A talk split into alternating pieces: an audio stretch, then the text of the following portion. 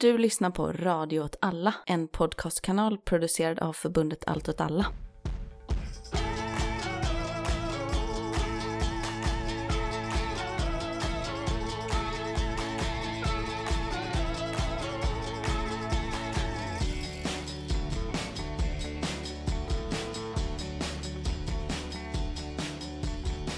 Hej välkommen till Rörelse. Udda krig och perspektiv. Med mig Martin Hansson. Och med mig Miran Andersson. Vi är tillbaka. Det är Back vi. in business. Hur är det med dig? Det är söndag när vi spelar in. Du har varit sjuk. Jag har varit sjuk, jag har varit influensa typ A som jag fick reda på genom Mm. ett sånt litet test med nässvabb och eh, vätskerullga Men du la brunnar. upp en bild på ett jävla imponerande test. Det kändes som man kunde få reda på om man hade covid, om man var gravid, om man hade influensa A eller B, eller liksom man kunde få reda på allt liksom. Tre fjärdedelar av de sakerna fanns där, ja det är riktigt. Men eh, vad är influensa A? Nej, det är bara att det finns två influensor tydligen som går jorden runt med jämna mellanrum. Jag tror inte det är något speciellt. Det finns också influensa C och D. Mm. C är typ svag, så man blir inte så sjuk av den, så det är som en förkylning. D finns bara hos djur, men man tänker sig att den skulle kunna komma till människor framöver. Hur? Hur skulle det... Det har jag pratat om den här podden förut och det Låter det vara osagt? låter vi osagt. Det brukar hoppa sjukdomar från djur till människor. Du, man har också sett att du har införskaffat massa lego. Du har börjat här försöka kränga lego på Twitter nu. Som en månglare. Om jag säger så här, är man Patreon så kan man DMa så får man. Rabatt på en jättespecifik teknik-lego-låda. Ja, precis, Ja, precis. Man måste passa på när det är bra priser online. Det är bara så det är det så är det. med större inköp. Och realisera kapitalet. Ja. Ja, men det är klokt. Det är klokt. Det är bra att du säger att det är klokt att jag köper Lego för jättestor del av min lön. Ja, ja, nej. Det är klokt. Det, Det händer ju att är jag handlar med aktier ju. Mm. Tänker jag är basically samma sak. Fast man kan inte leka med sina aktier. Precis, så de är sämre alltså. Du höll på att byta ämne. Ja, nej, men jag tänkte vi ska hoppa vidare till ett nyhetssvep. Det tycker jag. Har du någon jingel för det eller? Det har vi, spelar den.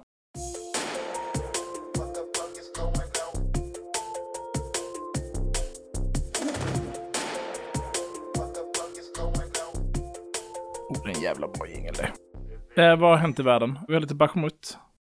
Mm, man har ju sagt kanske hundra gånger nu ser det riktigt illa ut för dem, för nu har de omringat lite till. Mm, Men nu sprängde de broar inne i stan och... precis, de sprängde väl bron över Bachmutfloden. Mm. Jag tror till och med att den heter så. Och eh, det finns väl vissa indikationer som jag håller som trovärdiga att man har dragit sig ur den östra delen av staden.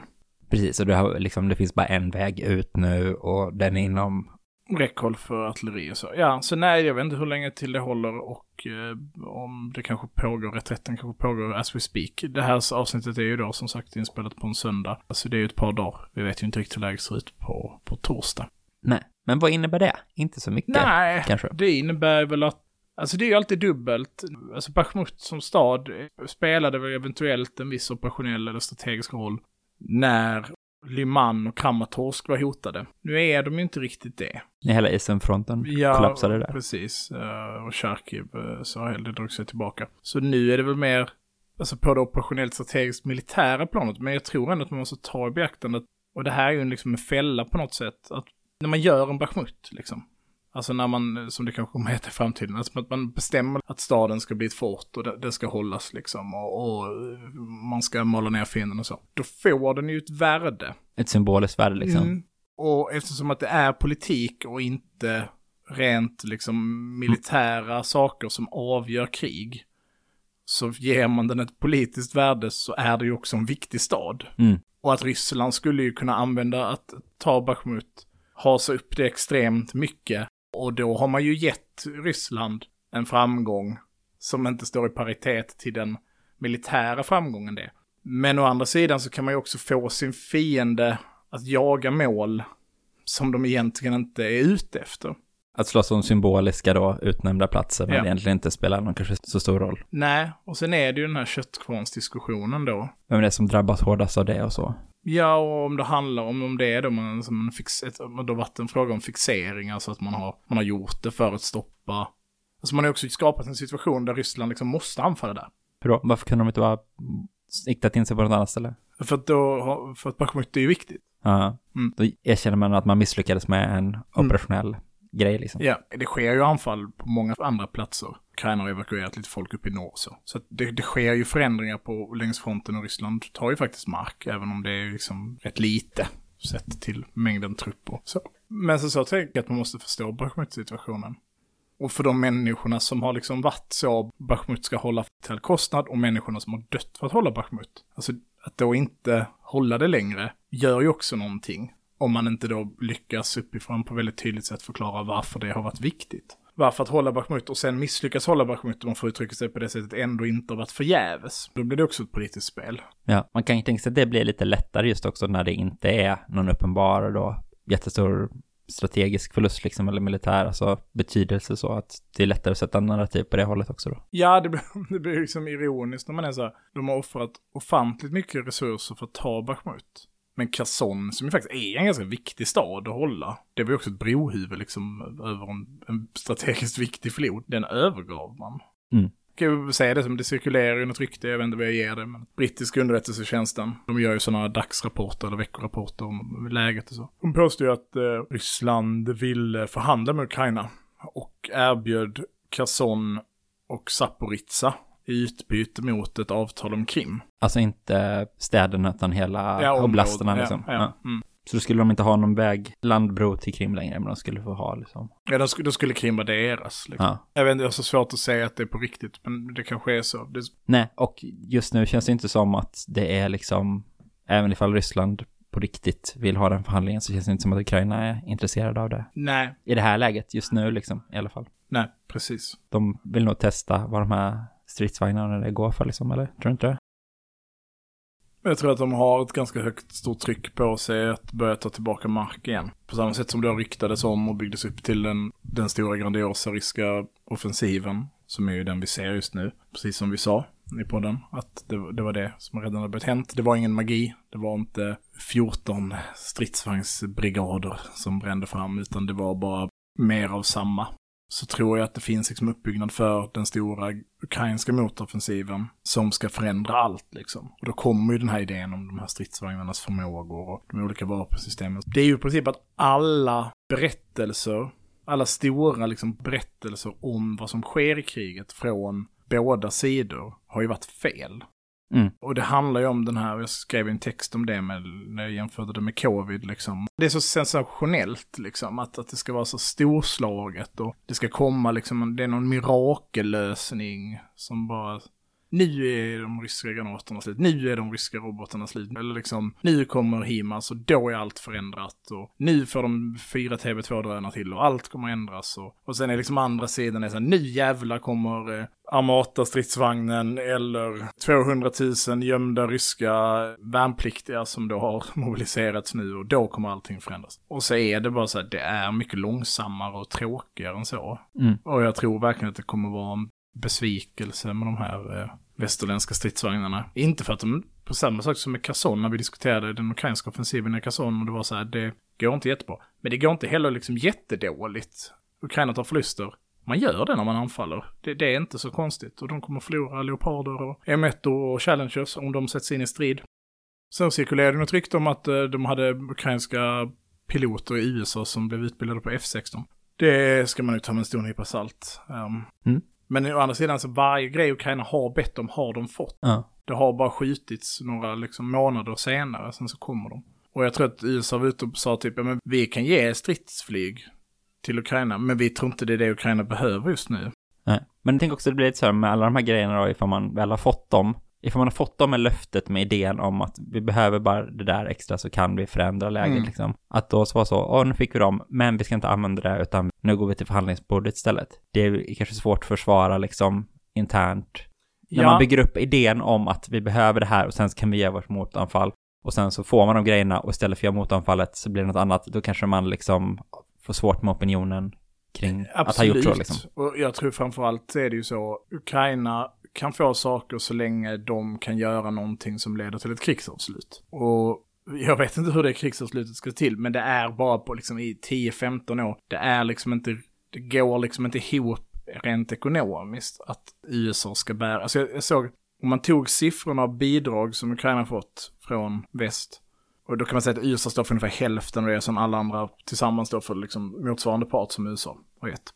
Då så hade de fått bara av USA, var det fem eller var det tio årsbudgetar på sitt försvar? Alltså att Ukrainas, låt säga att Ukrainas var, var 5 miljarder dollar. Det var vad de la varje år på sitt försvar. Och de har liksom fått 50 miljarder. Och då är det ju liksom löner och liksom sånt också för soldaterna. Och det kan ju liksom inte pågå hur länge som helst. Jag har svårt att se det. Och då måste ju Ukraina på något sätt visa att det finns ett sätt att det här ska ta slut. På ett annat sätt liksom. För det kan bara inte rulla på hela livet. Inte minst då när ekonomin gör som det gör. Ja. Ja, Den som lever får se. på tal om upplåsta saker. Mhm. Eh, det är alltså, vi har ju inte pratat någonting alls om uh, ballongerna. Ballonggate? Nej, Nej, ska vi dra, vi pratar lite snabbt om det. absolut. Alltså du säger ballongerna, men egentligen är det ju en ballong. Men de sköt väl ner två, de sköt väl ner en ballong till sen. Nej, de sköt ner typ fyra ballonger totalt eller någonting tror jag. Ja, Men allt annat var ju bara väderballonger. Det var bara en som Mm. var den här det stora. var bara den stora ballongmassakern 2022. Ja, men precis. Det gled in en stor jävla ballong över amerikanska fastlandet. Ja, men den är ändå riktigt stor. Ja, den är skitstor verkligen. Den är gigantisk. Och så hänger det typ någon sensorer i botten på den och Mm. solceller och grejer. Precis, så det ser lite ut som en satellit som finns i rymden liksom, att den är så kloss med solpaneler på. Men eftersom den inte kan sväva fritt så hänger den i en ballong istället Mm. liksom. En Da Vinci-satellit. Ja. Såg någon sorts eh, jämförelse med Frihetsgudinnan liksom, så här proportioner, Mm. alltså ballongen är liksom stor som hela överdelen på Frihetsgudinnan. Alltså så. Frihetsgudinnan jag bara säga då som har varit där. är inte jättestor. Den är ju faktiskt inte så stor, nej. Nej. nej. och det är inte så jävla konstigt heller. Nej. De har också skickat en båt, liksom. Ja, okej. Det är en fet jävla ballong. Det Ja. hänger en massa shit under den. Ja. Varför? Ja, jag försökte bara läsa lite vad man verkar ha kommit fram till. För man, den här gled ju runt över amerikanska fastlandet och sen så sköt man ner den när den kom ut över vatten igen. På andra sidan liksom, Mm. på östkusten liksom. Och eh, efter, det tog väl någon vecka eller någonting, men till slut så hade de fiskat upp den också och så. Så nu säger de väl att det som fanns på den verkar ha varit mycket, eh, alltså signalspaningsutrustning och så, helt enkelt. Alltså radar liksom. Alltså signalspaning betyder ju bara att den har tittat på saker. Ja, men den har tittat på eh, olika sorters eh, radio och telekommunikation liksom. Att den kunna avkoda signaler då liksom. Det makes ändå någon typ av sens. Alltså för från början blev det ju presenterat som att det var en fet jävla ballong med typ en sjukt bra kamera på som bara ut och fotade random prylar. Man bara sa, men det här är ju helt obegripligt. Kina har ju för fan satelliter, vad är det de fotar? Man kan inte styra den. Nej. Nej men okej, så den åkte liksom runt och, och inhämtade liksom sändningar och liksom radar och den typen av, ja okej. Men USA menar då att när de upptäckte den, när amerikanska försvaret upptäckte den och började liksom förfölja den, då slutade den sända också, så den har inte skickat någonting från att den har varit över USA. Och så är det också spekulation om att alla signaler som den skulle kunna sänt medan den var det måste varit utstörda, för de har kört runt med en jammingplan runt omkring och så. Störplan. Vad sa du? Nej, men ingenting.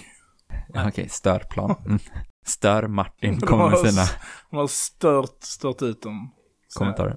Ja, så den kanske inte har fått reda på så mycket i alla fall, för att det är ganska mycket spekulationer som säger så här, det var inte meningen att den skulle in över fastlandet. De har skickat upp sådana ballonger förut, vilket ju också liksom är något som har framkommit med tiden att det inte är den första den här ballongen. Nej, Trump hade väl bara skitit i dem. Demokraterna försökte kasta på honom. Och Liksom. Trump säger, ja men jag har inte fått några rapporter om att det fanns någon sån ballong. Och det är mycket möjligt, för att enda anledningen till att det här verkar ha kommit uppmärksamhet, som jag ser det i alla fall, är att den är upptäckts av civilister. Mm. Och att den blev liksom fotad.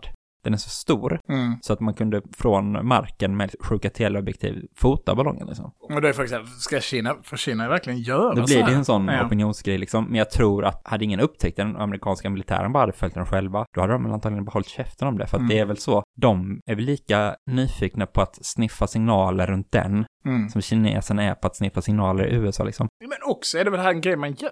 Ja, Alltså jag säkert. tänker så här, Open Sky Treaty så liksom, är inte det liksom bara en pryl man bara...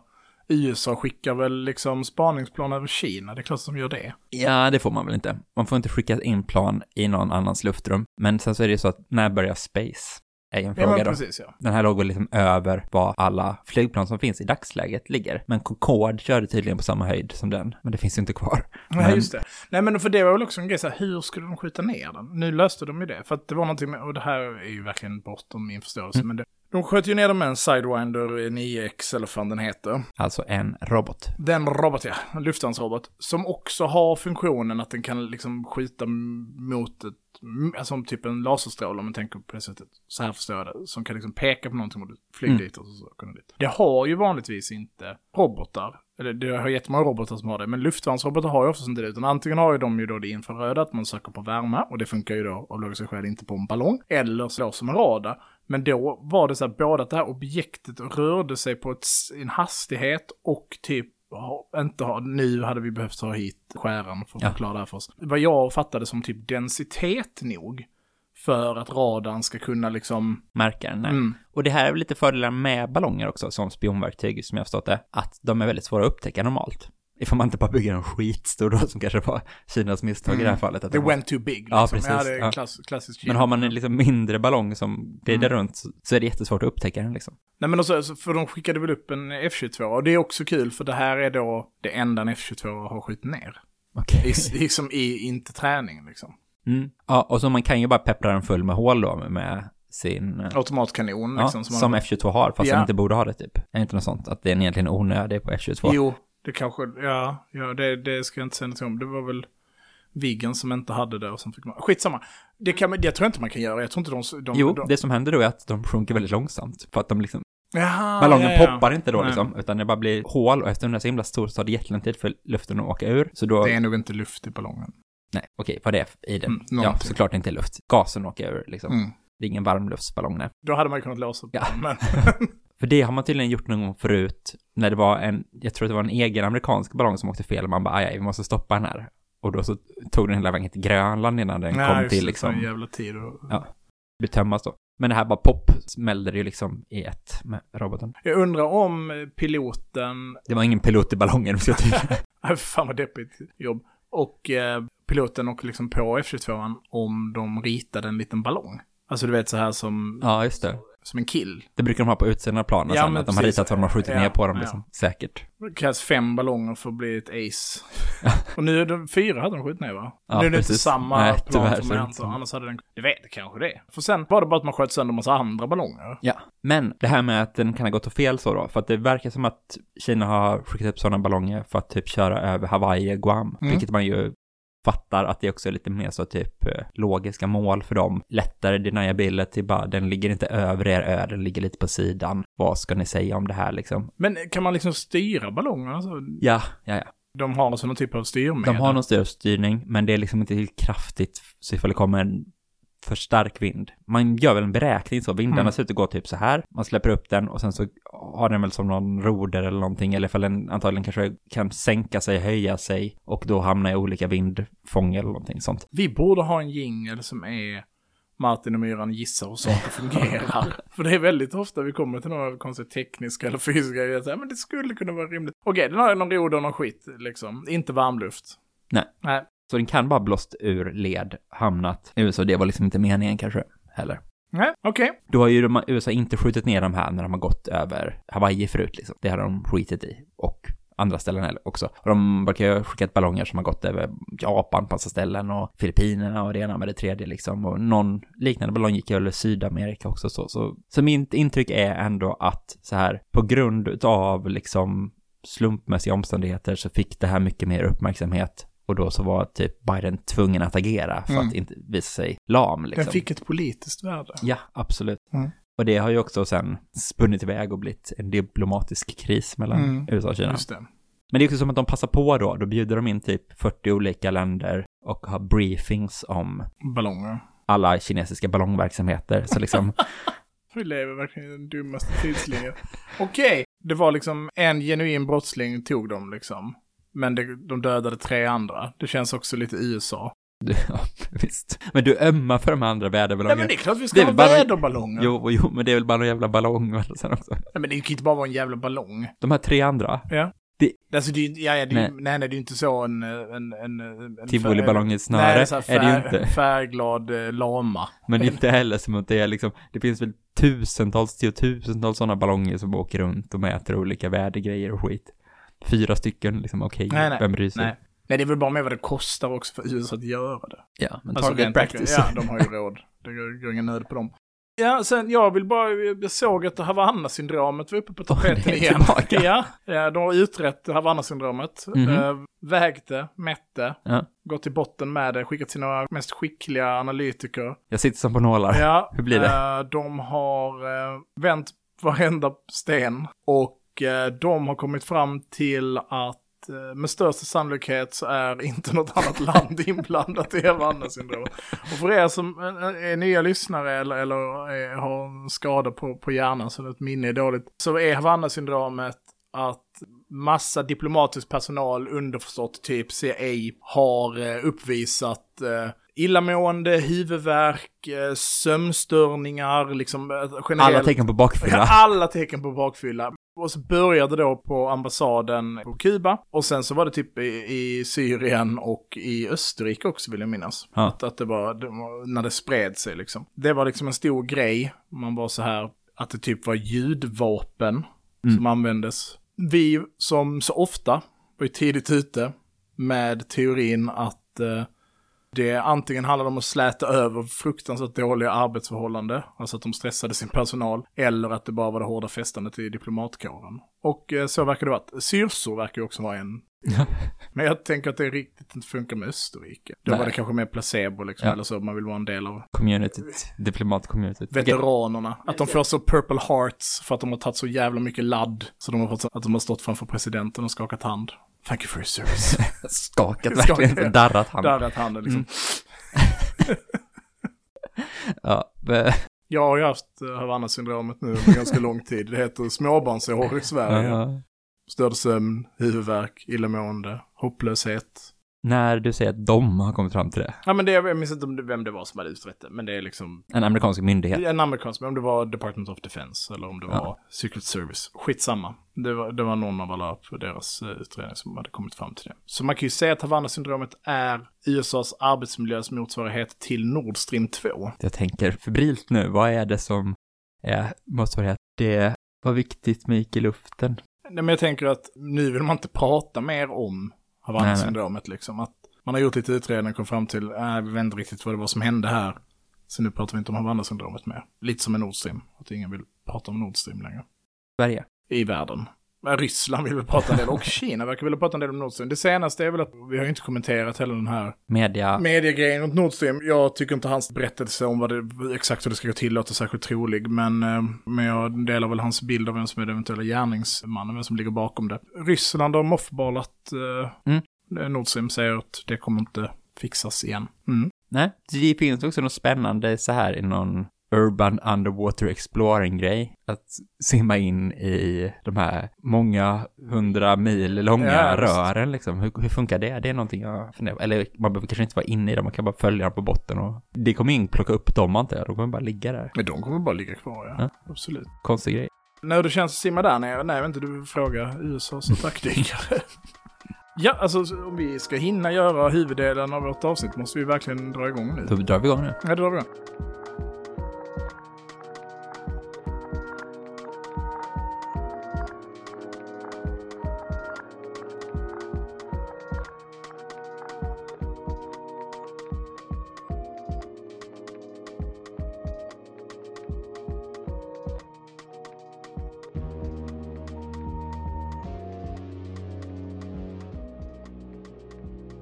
Jag har tänkt så här att vi ska dra igång en ny liten serie. Ja, Jag har eh, läst boken Väpnat uppror. Ska ta och presentera den. Det är en inte särskilt lång bok, men den är uppdelad i- eh, små eh, case studies. Boken heter Väpnat uppror, Armed Insurrection. Jag kommer inte ihåg den tyska titeln. Den är skriven av en pseudonym som är A. Neuberg. Egentligen så är den skriven av en, eh, vad säger man, en arbetsgrupp inom Komintern. Alltså, jag Ja. brukar presentera Komintern för eventuella lyssnare. kommentaren Mm. var den international som bildades efter att Sovjetunionen hade uppstått. Som var formellt någon sorts världsparti, men ganska mycket ett samarbetsorgan som bara gjorde att Sovjet hade inflytande på andra kommunistpartier i världen, kan man säga. Boken är då i, i praktiken skriven av Tukashevsky. Vem var Tukashevsky? Michail Tukashevsky. Och han har varit omnämnd i den här podden ett gäng gånger ska jag säga. Nu, så nu är det läxförhör, jag kommer inte ihåg det här. Nej. Nej. Röda Napoleon, känner du igen det namnet? Nej. Okej, Okej, han höll på med hästkrig. Ja, visst, visst, visst. Jag var i Polen och härjade runt. Michail Tukashevski är ju en av de liksom så lite framåtdanade militärteoretikerna i Sovjet. Och, och eh, är bland annat den personen som liksom, är, man pratar om blitzkrig, så pratar man om deep operations och liksom med stridsvagnar och mekaniserade förband och så. Han är väldigt tidig på den bollen. Han dör ju då 12 juni 1937. Han, Mm. han, Hur gick det till? Ja, hur gick det till? Han är med och skrivit boken. Sen har vi Ossi Piatnitski, som är en- eh, också en sån eh, rysk eh, revolutionär som eh, satt i toppen av eh, Komintern, liksom. Och eh, ja, dog väl också i den stora utrensningen. Och satt väl i centralkommittén och så. Mm. Och sen eh, har vi då Ho Chi Minh. Den här boken är alltså skriven eh, 1928. Ja, ja. Så det är ju en väldigt ung Ho Chi Minh och inte en kändis liksom. Nej. Som sitter med i den här arbetsgruppen och skriver den här boken. Och sen eh, till slut eh, Erich Wollenberg som är ju en eh, tysk eh, Mm. kommunist som vi kommer återkomma till. Men han var liksom med i, vad heter de, Spartakisterna och Mm. så. Flydde Tyskland sen. Överlevde li- lite längre, vi ska faktiskt återkomma till honom strax. Boken är helt enkelt uppbyggd så att den tittar på ett par väpnade uppror och eh, försöker göra någon typ av analys vad som fungerar och inte fungerar. Och samman kan man säga att alla de här upprorsförsöken är misslyckade. Och så försöker man analysera, den här arbetsgruppen analyserar varför det har blivit så. Och sen ges boken ut i tanke som en manual i princip. Ja. Alltså den innehåller en hel del militärteori. Rätt föråldrad sådan får man ju säga, men som liksom berör, ja, väpnade uppror. Och jag tänker att man kan ta de här fallen och diskutera dem lite och få lära sig. Jag lärde mig mycket av att läsa dem.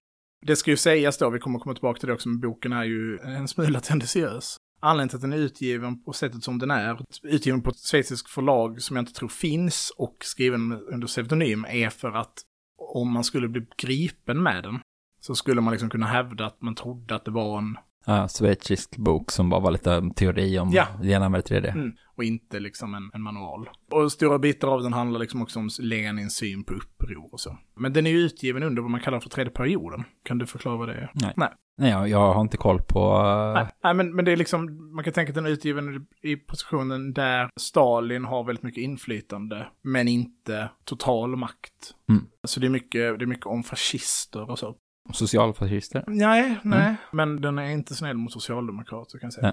Okej, första fallet de tittar på i den här boken är det som de väljer att kalla för Revalupproret. Eller som det nog mer heter, eh, kuppförsöket till Estland Ja. eh, 1924. Reval som heter Tallinn efter den. Precis. Och det ska ju då sägas att vi ska komma tillbaka lite till bokens beskrivning av händelseförloppet. Men om vi utgår från bokens beskrivning av de objektiva förutsättningarna för uppror i Estland 1924. Så beskriver boken, den börjar liksom, det här fallet börjar med att de presenterar Estlands eh, ekonomiska och liksom sociala situation. 20-talet eh, slår hårt mot Estlands ekonomi. Det har ju varit eh, krig i eh, Polen precis. Sovjetunionen har ju liksom gått segrande ur det ryska inbördeskriget. Och eh, Estlands ekonomi har till viss del liksom burits upp Typ av kreditlån från eh, segermakterna för världskriget som liksom vill förhindra att eh, Sovjet sprids eh, dit. Författarna till boken beskriver att eh, brottslighet och arbetslöshet har liksom gått upp eh, kraftigt. Och eh, en centerregering har vunnit makten, som också inkluderar socialdemokrater. Och den estniska staten är pressad då både från höger och från, från vänster, där högern kanske då, man borde avskaffa demokratin, vi borde ha en stark ledare, vi borde lösa liksom Estlands motsättningar på det här sättet, medan de är pressade då också från Estlands kommunistparti. Under 1924, alltså tidigt 1924, så 1923, så börjar liksom revolutionärer från Sovjet ta sig in i landet och påverka och agitera bland liksom bönder och arbetare och soldater. Och börjar väl i någon mening lägga grunden för en revolution i landet. Och eftersom att det har skett flera upprorsförsök i Europa under 20-talet, vi kommer ju komma till i alla fall ett av dem, eh, sen i den här serien, men bland annat då i Tyskland, så är den estniska staten liksom ganska redo på, eh, på det här och gör en, ett hårt nedslag mot kommunister. Tidigt 24 då. Och griper flera hundra fackföreningsaktivister och kommunister. Man ställer 150 inför rätta, man mördar ett par av dem och man ställer slutligen då 149 stycken för, eh, inför rätta för högförräderi. De döms till liksom fängelse eller straffarbete. Eh, 28 av dem döms liksom till 15 års straffarbete och så. Mm. Och några av de mer centrala menar man blir mördade helt enkelt av eh, staten, men att det är en fackföreningsaktivist. Enligt boken då, som svar på detta så bestämmer sig kommunistpartiet att eh, det är dags att försöka göra ett väpnat uppror. Inte helt eh, logisk Nej. slutsats där kanske. Nej, det här är en början på en rad lite ologiska handlingar, men man Men är det så nu eller men aldrig? lite så är det. Ja. Nu har de slagit mot oss. Läget är så instabilt, de objektiva förutsättningarna finns. Arbetslösheten är skyhög, brottsligheten är skyhög, centralregeringen är väldigt svag. Mm. Vi är också granne till Sovjet. Jag tänker att det är en Ja. selling point här Ja. liksom. Vi, vi är Estland. Och planen i all enkelhet är ju på att givet kommando så till då mot eh, militära och statsbärande strukturer. Och man väljer aktivt att inte kombinera detta med Det tror jag för att man ska inte propagera för sin sak liksom. Man, Nej. man ska göra det i Det hemlighet är så. väldigt det är blankism här liksom. Ja. Det är inte, man ska inte ha en generalstrejk, man ska inte ha stora protester och göra det i samband med det här, utan man, man skapar liksom helt enkelt en militär struktur. Det Kommando. låter aningen som statskupp Ja, snarare. ja. ja, mina anteckningar här. Kupp, understruket. Det ska ske i Reval och i en annan ort, men det sker bara i Reval. Så att man bygger liksom upp den här strukturen. Man beväpnar, tränar lite på att hantera vissa vapen. Man delar upp en struktur där man, man sätter ihop eh, bataljoner, som man kallar det då. Det är alltid så här, det ska alltid heta brigader och bataljoner och så, men det är inga bataljoner. Det är må hända lite stora kompanier. Och det är bara toppen som vet liksom både plan, mål, datum, tid och så vidare. Man anskaffar också en rad lägenheter eller bostäder i närheten till de här målen och gömmer vapnen där. Och toppen bestämmer att 1 december, det är då vi kör. De revolutionära styrkorna utgörs då, i teorin, av tre bataljoner. Mhm. Första bataljonen 170 man, andra bataljonen 120 man, tredje bataljonen 110 man. Det är den strukturen man har. 400 pers. Man är 400 pers. Man har skaffat vapen. Man har skaffat 100 revolver med 50 patroner till vardera revolver. 500. Det är bra, du satt och räknade så det är 500. 60 gevär och karbiner. Med eh, några patroner till varje gevär. Mm. Man har jävligt mycket revolvrar och jävligt mycket ammunition till revolverna. Ja. Gevärerna är dåligt, dåligt. Man tänker att det borde vara tvärtom. hur? Ja. Det berättar också någonting om Estland. ja. Att tillgången på revolvrar och- patroner är stor, gevär lite, skitsamma. Man har också 32 stycken Thompson-k-pistar. Det är väl nice. Ja, för tiden är ju detta, eh, alltså state of the art vapen liksom. De har fått via Sovjetunionen. Ja, det får man ju anta att Ja. det är så de har kommit dit. Även om i boken då, Mm. så är ju detta, det här händer i Estland. Det är estniska arbetare, det är est- estniska revolutionärer, piskan har vint för hårt, de är redo, de ska sätta stopp för det. Och till de här 32 Thompsons har man också, man har tusen kulor vardera. Och då, tänker jag, och Thompson, då- då får man ju tänka maffia-k-pisten liksom. Ja. Trummagasin tänker jag. Ja. Och sånt handtag fram. Förbudstiden, k-pisten liksom. Och sen har man typ 10 handgranater och 20 större sprängladdningar.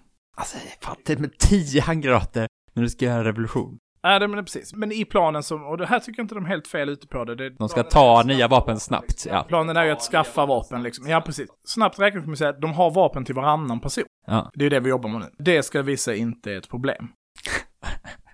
In a bad way. Man gör då en bedömning av motståndet, vad man ska möta. Och då är det så att man är väldigt inställd på att bland de reguljära trupperna är stödet för kommunisterna väldigt stort. Man har agiterat länge, man, man har liksom folk, kamrater ute i förbanden. Framförallt de som angränsar till Sovjetunionen har man liksom starka kommunistiska strömningar bland soldaterna. När man gör liksom motståndarna så gör man bedömningen av att motståndet framförallt kommer vara junkrarna, Ja. och liksom officersstudenter och så, då gör man bedömningen att det är ungefär 600 man. Generalstabens avdelning pratar de mycket om i boken, men jag antar att de menar till generalstabens, liksom de förbanden som är direkt kopplade till generalstaben, de är lojala. Det är ungefär 100 man. Den beridna polisen, det är ungefär 50 man. Så i det hela taget så tittar man på en fiendebild på mellan 700 och 800. Det är de. Eh, Men nu vet vi att överraskning är en kraftförstärkare och så. Eh, Man kan slå till på ett sätt så att det går att lösa. Nej, det här låter ju inte jättedåligt. Nej, ifall det hade nej. varit de här siffrorna. Mm. De har också 32 jävla k-pistar Ja. 1928 liksom. De är, de är tungt beväpnade på det sättet. Men det är ju det här antagandet då. Att tionde regementets bataljoner Reval, de är liksom lojala. Det är en hel jävla bataljon med, med soldater. De, de kommer gå över stridsvagnsavdelning. De här stridsvagnarna är då brittiska stridsvagnar som ser ut, tänk första världskriget liksom. Ja. Mm. Med så två jättestora larvband på som går runt hela liksom, som de har fått För att skydda sig mot eh, Röda armén helt Ja. enkelt. Och ett gäng av dem, det finns en Wikipedia-artikel bara om de här stridsvagnarna, och ett gäng av dem, jag minns inte vad de heter nu, Estonian Mark 4 eller något sånt, skitsamma. De eh, tar Sovjet under eh, inbördeskriget också. Behöver inte fastna i de här. Men de har liksom vapen på sidorna. Jag vet hur de ser ut, Ja. men alltså, de tar dem under vilket inbördeskrig? Alltså ryska inbördeskriget. ja, ja, Mm. för då var de där liksom. Ja. Ja. De tänker också att kustartilleriet och flygvapnet, de är också lojala mot, de kommer liksom gå med. Och även om de inte går med så kan de också komma och ställa sig neutrala. Ja. Sen så tänker man också att när det här upproret sprider sig, eller liksom, då kommer ju arbetarna också ta till vapen och ansluta sig till de här bataljonerna. Ja. Mm. Det kan man ju, man förstår. Det är väl inte Ja. helt off på något sätt ifall det... Ja.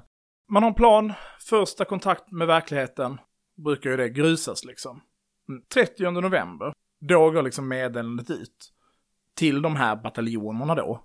De liksom medlemmar som har ingått i de här. Vi ska ha ett möte ikväll. Ni behöver komma på det. Ja. Och då är de möten i de här respektive hemliga bostäderna som då också är införskaffade så att de ligger nära de tilltänkta målen. Där också alla vapnen finns. Ja, och där är liksom förberett med vapen. Hur ska de få in flera hundra pers? Är det bara ledare för grupper Ja, de är liksom uppdelade i grupper, de här bataljonerna också. Ja. Och då vet ju inte medlemmarna om varken vad mötet gäller eller vad det är, faktiskt är för plan de är tänkta att verkställa. Så det är inte jättemånga som dyker upp. Och då gör man bedömningen att anledningen till att det är så, i efterhand då, det är antagligen för att det är en söndag. Ja, Så man hittar liksom inte heller alla. nej. Och anledning två är, eftersom att folk inte vet vad det är som gäller, så är faktiskt, jag pallar inte gå på möte Nej. söndag kväll liksom. På kort varsel. Nej. Jag skiter i det mötet. Tredje bataljonen, den här med 110 man, Ja, på pappret, de blir 80.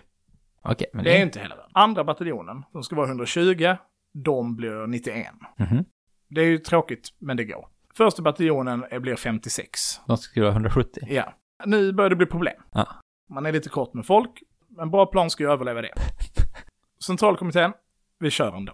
Man kunde inte letat upp de här som saknades. Ja, men det var väl brådskande. Man kunde inte heller, då, det blev också en faran är väl att ju mer man liksom ljud man gör av sig Ja. så risken att man blir påkommen liksom. Och därför tänker jag också att de är så här, vi kör. De, deras bedömning var kanske att det inte krävdes mer. Nej. De hade tagit lite överkant. Ja. som behövdes liksom. Och de här bataljonerna har då respektive övergripande mål och sen så är de som sagt då indelade i mindre grupper som ska ut och göra liksom Ja. enskilda. Första bataljonen, de ska avväpna Junkerskolan, officersutbildningsplatsen liksom. Erövra vapenlagarna där, inta den närliggande järnvägsstationen. Mm. Rimligt sätta den största gruppen i teorin på det. Ja. Som nu också är den minsta gruppen. Mm. Andra bataljonen, de ska avväpna polisreserverna och eh, garnisonen i Revals stab ska avväpnas. De ska också få med sig stridsvagnstrupperna Ja. och flygvapnet. Och en bataljon av de reguljära armén, det ingår liksom i deras, de ska få med sig dem. Tredje ska inta liksom de mer civila strukturerna då. Telegrafstationen, parlamentet, krigsministeriet, generalstaben och så. De ska ta liksom toppen. Och så ska de också ta en järnvägsstation. Och frita alla arresterade kamrater som sitter inne tidigare. Det gick Ja, det får man ju säga. Det får man säga. Så de är liksom uppdelade, de sticker iväg liksom. Första bataljonen. De genomför sitt anfall på utsatt tid. 05.15. Då smäller det liksom. Första december. De är uppdelade som sagt i grupper, där en grupp ska ta undervåningen i kasernen, där Junkerkasernen, en annan ska ta liksom övervåningen. Första gruppen, första våningen, tar sig in, slänger lite handgranater, skjuter lite revolver, får junkrarna där att ge sig, tar deras vapen. Andra gruppen ska ta andra våningen på kasernsbyggnaden, möter på en vaktpost, det blir en eldstrid. Den tar så lång tid så att de som är på övervåningen hinner beväpna sig, Ja. slår tillbaka anfallet, de får fly. Så hela anfallet mot Junkerskolan går på röven liksom. Ja, de har nedervåningen. Men... De, har, men de, de drar från den också, Ah, liksom. det är flera hundra personer ju. Järnvägsstationen ska intas, Okej. det är ja. en annan grupp. Mm. De är iväg, de intar järnvägsstationen. Inga problem, tar inga förluster. Så hela första bataljonens plan, förutom ta järnväg, den har gått på röven liksom. Ja. Andra bataljonen, de har planen att de ska anfalla en träbyggnad där polisreserven ska vara liksom. Angränsat till den här träbyggnaden så finns där ett stenhus. Som Ja. rekognoseringen har bedömt är ett badhus. Det uh, anar åt vart det här barkar. Det är inte ett badhus. Nej. Så de tar trähuset. Bra. Där är det ganska få poliser. För att stenbyggnaden verkar också vara en byggnad Mm. där bor poliser. Som då vaknar. Ja. Så det går på röven. Ja. Andra bataljoner, det skiter sig. De blir tillbakaslagna och får fly. Men de ska ju också göra det här med Ja, stridsvagnstrupperna. det hela är kanske det skiten. viktigaste kan jag känna. Ja. Att de ska få med sig. Och det är inte helt utan förluster. det funkar. De bara tar det. De tar eh, de här stridsvagnarna, tar stridsvagnsgaragen. En av de som är med, den här som leder den gruppen som ska ta det, är underofficer Ja, ja. som tjänstlar bland stridsvagnstrupperna. Och han, eh, han tar en stridsvagn, resten är amerikaner, de börjar liksom paja stridsvagnarna, Ja. som är där inne. Han tar en stridsvagn och börjar köra mot stridsvagnstrupperna. Ja. Han ska dit och ta dem. Mitt emot stridsvagnsgatan finns ett telegrafistregemente. Men så de tog bara stridsvagnar, de fick inte med sig alla, det har inte hänt. Nej, det har inte hänt. Ah, okej. En tar den. Mitt emot stridsvagnsgaraget ligger telegrafistregementet. Ja. De är planen att de ska gå över. Ja. För att de har en fanjunkare där inne som är på deras sida. Ja. Han var inte på deras sida, han var förrädare. Nej! Så de skjuter ihjäl underofficeren som ska köra iväg med sin stridsvagn. Ah, Attans bananer. Det har gått er på röven. ja. De förstör stridsvagnarna som är kvar där inne, men tvingas sen fly. Tionde regementets stab, det är fortfarande på andra bataljonens uppdrag liksom, de eh, förs bort. Man lyckas ta dem. Tre eh, officerare gör motstånd, skjuts på plats. Ja. Den här bataljonen som skulle gå över, Ja. de vägrar gå över. Ja. De vill inte det. Men förhåller sig neutrala. Okej. Och i efterhand så menar då den här utredningen att det är för att de är för få som kommer dit och ska övertala dem att hänga med. Det är då alltså nio man som kommer dit, ska få med sig den här bataljonen. För att ifall man hade varit 50 personer så hade man kunnat övertala citationstecken. Eller, eller tänker man mer på att de hade varit en faktisk Ja, men jag tänker att, att det som- kom, hade kommit dit 50 pers och varit så här, kom, Mm. vi är också ett stort gäng. Ja. Häng med oss och gör det här nu. Så det kommer nio personer och så, nu ska ni ut i krig. Nej tack. Och man gör också att man, om man hade för liten eh, kärna av revolutionära soldater i den här bataljonen. Mm, kanske det jag främst tänker att det kommer an på, liksom, Ja. att ifall det finns någon där som sympatiserar med saken eller inte. Man skickar 13 man då som har blivit ska till flyggruppen. Ja. Och de genomför hela sin grej och jag citerar på ett exemplariskt sätt. Ja. På vägen dit så avväpnar de en polisstation. På vägen till flyggruppen så, Ja, så passar de på att avväpna en polisstation. Fick med sig lite gevär och revolver. Och sen så eh, tränger de sig in i den här kasernen där 80 flygare befinner sig. Och det här behöver jag citera faktiskt. För det här är en ett roligt stycke.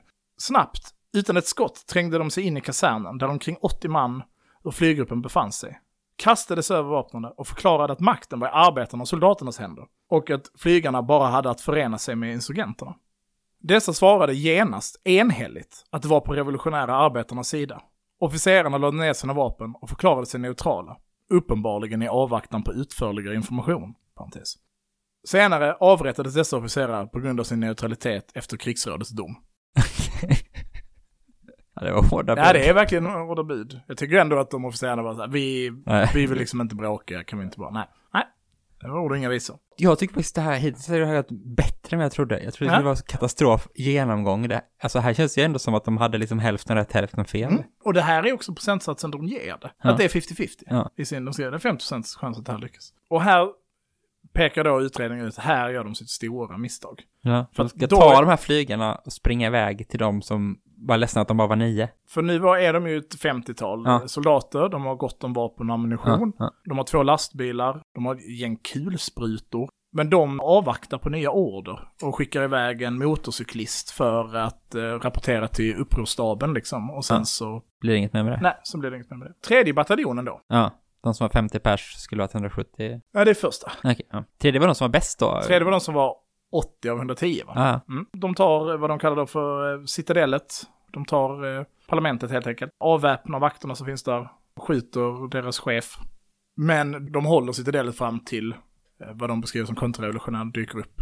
Då begär de sig från plats. De, eh, de tar telegrafcentralen och telefoncentralen. Och eh, tar där också Revals polischef som råkar befinna sig där. Till Ja. gisslan. Sen eh, de övriga anfallspunkterna som de har, alltså krigsministeriet, generalstaben och polisresidenten. De misslyckas, även de här eh, arresterna som de skulle, när de skulle frita sina kamrater. Och det säger utredningen är för att de eh, inte i tid fick reda på vad de skulle göra. Så de bara gjorde aldrig sina grejer. okej. De var liksom för sent på bollen. Sen tar de ju den andra järnvägsstationen, det här ingick ju deras uppdrag, tredje Ja. bataljonen, och eh, skjuter där kommunikationsministern som råkar vara där. Och här någonstans så har man liksom gjort alla sina grejer, men det händer liksom inget mer, utan man har tagit de här sakerna, det har inte varit tillräckligt för att genomföra en kupp. Man har inte heller fått med sig några massor på sin sida. Så vid nio på morgonen så har liksom alla de här eh, anfallsgrupperna blivit tillfångatagna eller skingrade. Vilka är det som gör det då? Ja, då är det ju poliser. På häst? Vad fan? Ja, men De det, var är ju bara 50. det är ju junkrarna, Det är junkrarna kom. det är ja. junkrarna, det är polisen och eh, de här officers... eh, Och sen så är det ju flera avdelningar som man har haft som plan att ta. Du ska komma ihåg att det här handlar ju om 150 man ungefär. Äh, Ja. mer, 220 Ja. insurgenter. Så de är ju inte så många. Nej. Flyggruppen, de intas ju då av junkrar. Det är också att de i rapporten och i sina, mot- när de räknar upp sina motståndare, de hade inte med det här, men de beräknar också att det finns 500 fascister i liksom, omnejd som skulle kunna bli sammankallade för att agera kontrarevolutionärer. Så man kan ju tänka sig att de också ingår. Orsaken till nederlaget då, Ja. enligt rapporten. Upprorsledningen hade överskattat garnisonstruppernas demoraliseringsgrad, med det du var inne på här, liksom styrkan hos partiets militära organisation.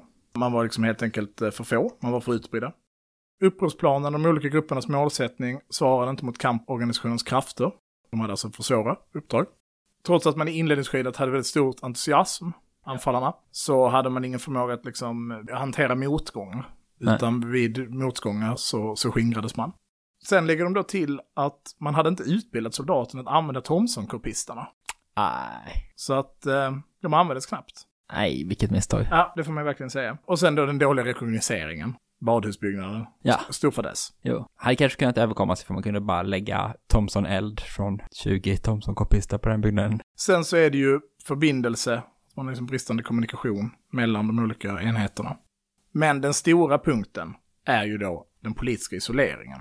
Alltså att det var en kupp mer än någonting annat. Ja, ja, det kanske det är, men det pratar du inte så mycket om. Men att folkets massor inte sprang ut på gatorna och... Nej, och det var ju inte heller planen. Nej. Planen var ju en kupp. Mm. Så det är mer så att de kommer fram till att vi ska inte försöka göra kupper så mycket. Det är bättre att göra uppror som har stöd av befolkningen liksom. Eller? Ja, så skulle man väl... Det är den stora biten i liksom den utvärderingen. För jag, menar, jag, jag tycker det känns ju nästan som man skulle kunna dra slutsatsen, bara man är lite fler och lite bättre förberedda så skulle det här kunna lyckas. Det de förutsatt sig.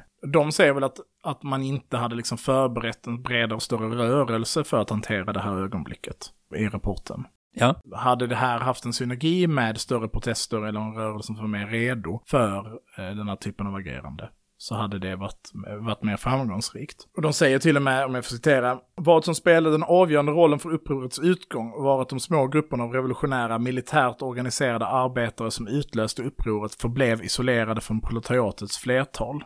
Arbetarmassorna, med undantag av isolerade arbetargrupper och framförallt arbetarkvinnor som förenade sig med dem under striderna eller gjort dem den eller den tjänsten i kampen, understödde inte aktivt upprorsmännen mot kontrrevolutionen.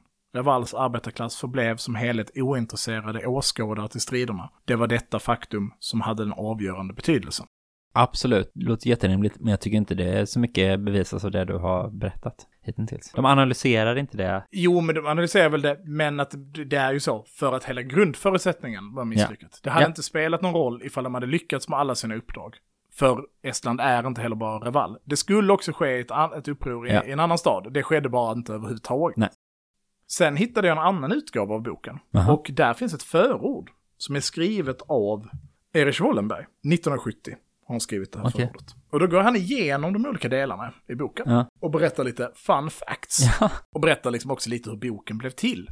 Den gavs ju ut första gången på tyska. Och det var Wallenberg själv som skrev det. Första fallet, alltså Reval-upproret, är skriven av en grupp under ledning av general Unselic. Och innehållet är baserat delvis på ögonvittnesskildringar från estniska kommunister som flydde till Sovjetunionen då i den, liksom, den repressionen som följde efter försöket. Och han säger att ja, men, utförandet, alltså händelseförloppet som är beskrivet i boken stämmer väl överens med de vittnesmålen. Däremot så är det en sak som inte nämns i den här rapporten. Och det är det som han vill kalla för Sinujev-konspirationen. Mhm. När Lenin dör, 21 januari 1924, vilket ju då är alltså typ samtidigt som arresteringarna sker i Estland, Ja. så är det välkänt att Sinujev, Stalin och Kamenev bildar trojkan. Ja. Som ju är liksom en antitrotskistisk pakt kan man väl säga för att förhindra att Trotskij ska ta över makten. Alltså liksom de nya bolsjevikerna som de då refererar till. Ja. eh, inte ska få inflytande. Att de gamla bolsjevikerna ska behålla det, alltså trojkan. När man upplever ett par månader senare, in 1924, att det här eh, hotet från trotskisterna inte riktigt existerar så splittras den här trojkan och det uppstår en maktkamp mellan Stalin, Sinunev och Kamarev om makten i partiet. Sinunev är den som har eh, Komintern enligt eh, Wallenberg. Att det är liksom, det är hans maktbas. Men det hade gått ganska dåligt för Komintern genom det misslyckade revolutionsförsöket i Tyskland och så vidare. Och att han försökte stärka sin position genom att stödja ett väpnat uppror i Estland. Ja, Och är den som driver på att det ska ske. Vi måste köra nu, för annars kommer jag förlora maktkampen mot Stalin här. Ja, för Komintern måste liksom visa att den har någonting att komma med. Ja. I då konflikt med Stalins kontroll över den bolsjevikiska partiapparaten på något Ja. sätt. Och att en kommunistisk revolution i Estland skulle sätta igång en, liksom en kedjereaktion då med fler liknande uppror. Vilket då hade stärkt Komintern genom att fler länder på något sätt anslöt sig. Och att det är en av anledningarna till att, att den liksom maktkampen och Synodevs inblandning i det och liksom påhejande av att den ska ske är en av anledningarna till att den tar sig uttryck på det sättet som den gör. Ja. Och Wallenberg gör en stor poäng av att liksom, det är inte de estniska kommunisternas liksom bristande kämpavilja eller mod och så vidare som får det att misslyckas, utan att planen i sig är dödsdömd att misslyckas för att den kommer heller inte i första hand. Därifrån, Nej, från dem själva. utan ifrån då Kominterns representanter i Estland. Precis. Och att repressionen som kom efter Revalupproret är liksom, ska läggas på Sinodevs axlar. Att det Ja. var liksom ett, eh, och att upproret i sig bröt mot alla de ståndpunkter eller liksom idéer om uppror som fanns inom partiet. Det var liksom misslyckad för att alla förstod att det skulle vara misslyckat. Synodev själv måste förstått att det skulle misslyckas. Och att det därför var inte bara liksom korkat utan ett direkt brott att driva på att den skulle genomföras. Mm. Ja, trist för alla estniska kommunister. Ja, det var nog en fruktansvärd repression som kom därefter. Vad kommer nästa del i den här serien handla om? Jag är inte helt säker. Vi får se vad som kommer hädanefter. Men du tänker att det är historiska händelser? Det är historiska händelser. Det är den här typen av... Det kommer att bli lite Hamburg. Mm. Det kommer att bli lite eh, Shanghai. Just det. Och det kommer att bli lite riktigt gammal militärteori om hur man bäst bedriver strid från 20-talet. Ja, det låter väl härligt. Ja. Ser fram emot. Klackarna i Mm. taket. Ja. Vi måste ju avrunda här. Ja. Tack så jättemycket för att ni har lyssnat. Tack. Man kan bli Patreon. Ja. Då får man ett eh, meningslöst eh, frågeavsnitt av oss i månaden. Ja. Borde ta och spela in ett nytt sånt snart. Man kan eh, följa oss på Twitter. Det heter jag Trojkan1337. Jag heter att slukhall. Och man kan följa oss på Instagram. Där heter vi eld. Punkt. Punkt och punkt rörelse. Och eh, man kan följa oss på Facebook. Där heter vi eld och rörelse. Ja. Tack till våra jingelmakare. Tack så mycket. Ha det bra. Hej då. Hej då.